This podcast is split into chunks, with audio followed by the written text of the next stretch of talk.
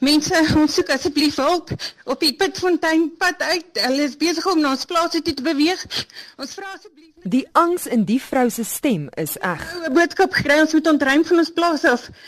Sy verwys na Pitfontein buite Kolini in Noordwes waar onluste die afgelope 2 weke opgevlam het. Toe die boodskap egter gestuur is, was daar geen teken van onluste in die spesifieke gebied nie. Dit is op die Pitfonteinpad onder deur die brug. Asseblief. Die boodskap het soos 'n veldbrand versprei en dae later mense in 'n ander Pitfontein in die ooste van Gauteng buite Kempton Park bereik. Die gevolg: 'n mate van paniek in 'n gebied waar daar kalmte heers. Dit is slegs een gevalle studie van vele waar WhatsApp stemboodskappe verkeerde inligting bevat of bloot die verkeerde ore bereik. Jong, julle moet bid. Ehm um, ons staan in ons kombuis en ons sien hoe word die die die een plaas aan die brand gesteek. Um, maar waar is die brandstigting? En selfs al word die gebied in die boodskap bekend gemaak, is die inligting nie noodwendig geloofwaardig nie. People, I would like to warn you that you must all go to your houses. The soldiers will be deployed in the next hour in Enadale. Take your children in the houses. Uh, there's a suspicion that they might use live ammunition.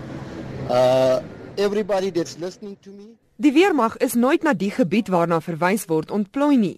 Skerpend ammunisie was ook nie in die werklikheid ter sprake nie. En daar is legio sulke gevalle waar stemboodskappe op WhatsApp mense behoorlik op hol jaag.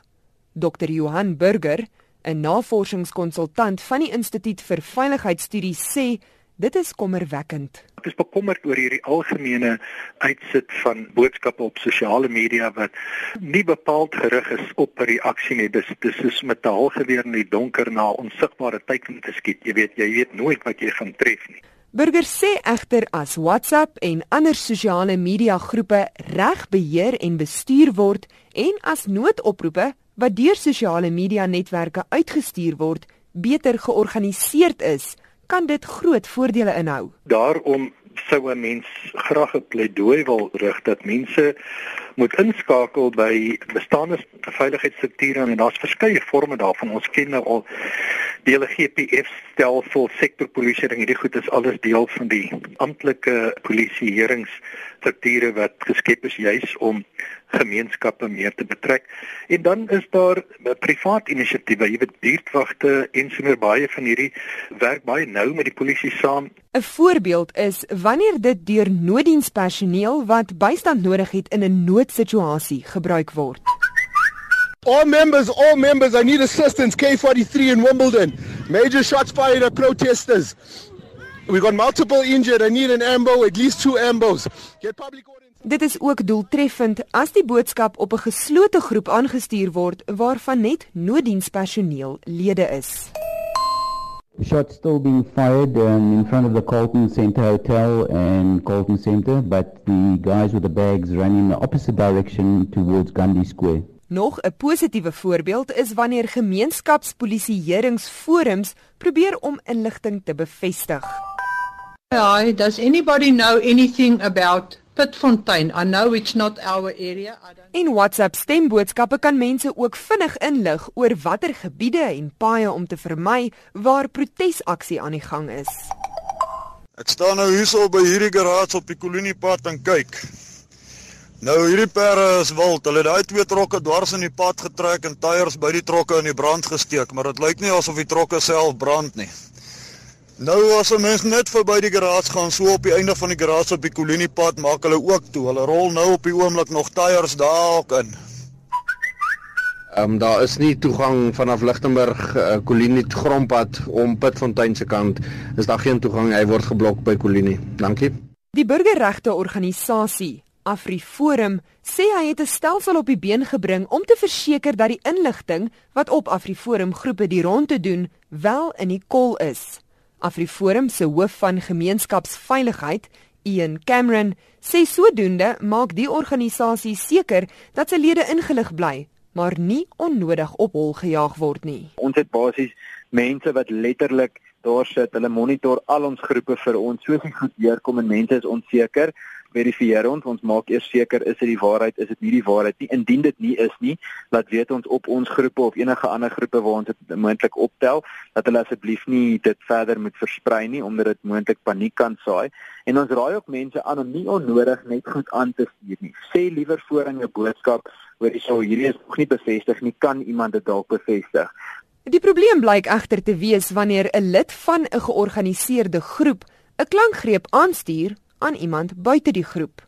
Die ontvanger het dan nie die konteks van die boodskap nie en dit word maklik uit verband geruk. Ongelukkig sien ons dat soos byvoorbeeld in die Kolinie geval is daar baie van die boodskappe wat deurgegaan het alhoewel daar nood was op plekke is daar verskriklik baie boodskappe wat deurgegaan het wat mense vreeslik paniekbevange gemaak het wat nie noodwendig die waarheid was nie en ongelukkig gaan ons dan begin sit met 'n wolf wolf tipe aksie waar daar dan moontlik hulp nodig is maar mense gaan nie reageer nie want hulle gaan dink dit is vals. Die polisie in Mpumalanga is ook in die onlangse verlede met hande in die hare gelaat toe 'n e-pos en later WhatsApp boodskappe die ronde begin doen het.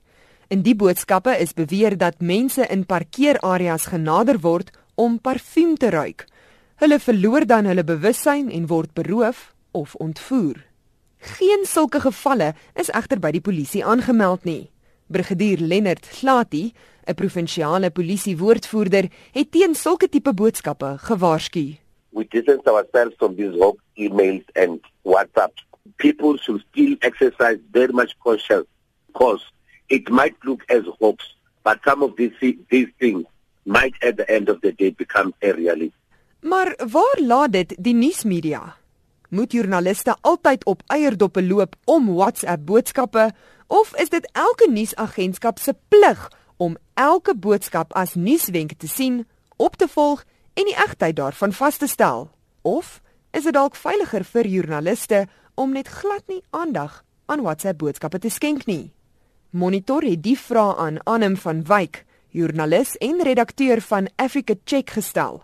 Africa Check beywer hom vir die nagaan van feite. Dit is nie moontlik natuurlik met hulpbronne wat beperk is in nuuskantore om om elke liewe boodskap na te gaan nie. Ek dink mens moet um, in oorleg met jou redakteur en ander kollegas besluit wat die impak gaan wees as jy dit nie nagaan nie. Kan dit dalk moontlik lewensverlies wees, kan eiendom skadig word, kan mense produktiwiteit verloor.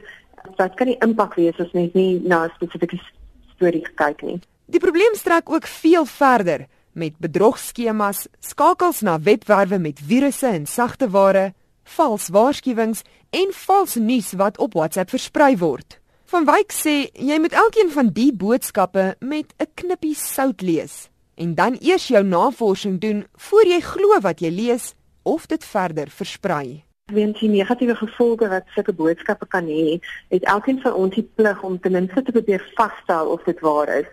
Mens kan vir die persoon vra wat dit vir jou aangestuur het, waar hulle dit vandaan gekry het, maar baie keer is dit moontlik om om op te volg en soms vinnig.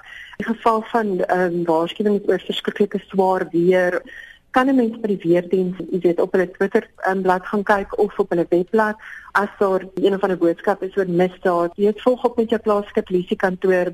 So probeer om jou kant te bring om nie verder ehm um, valsgerugte te versprei nie. Anem van Wyk van Africa Check. Ek is Henry Wondergem vir SAK nuus.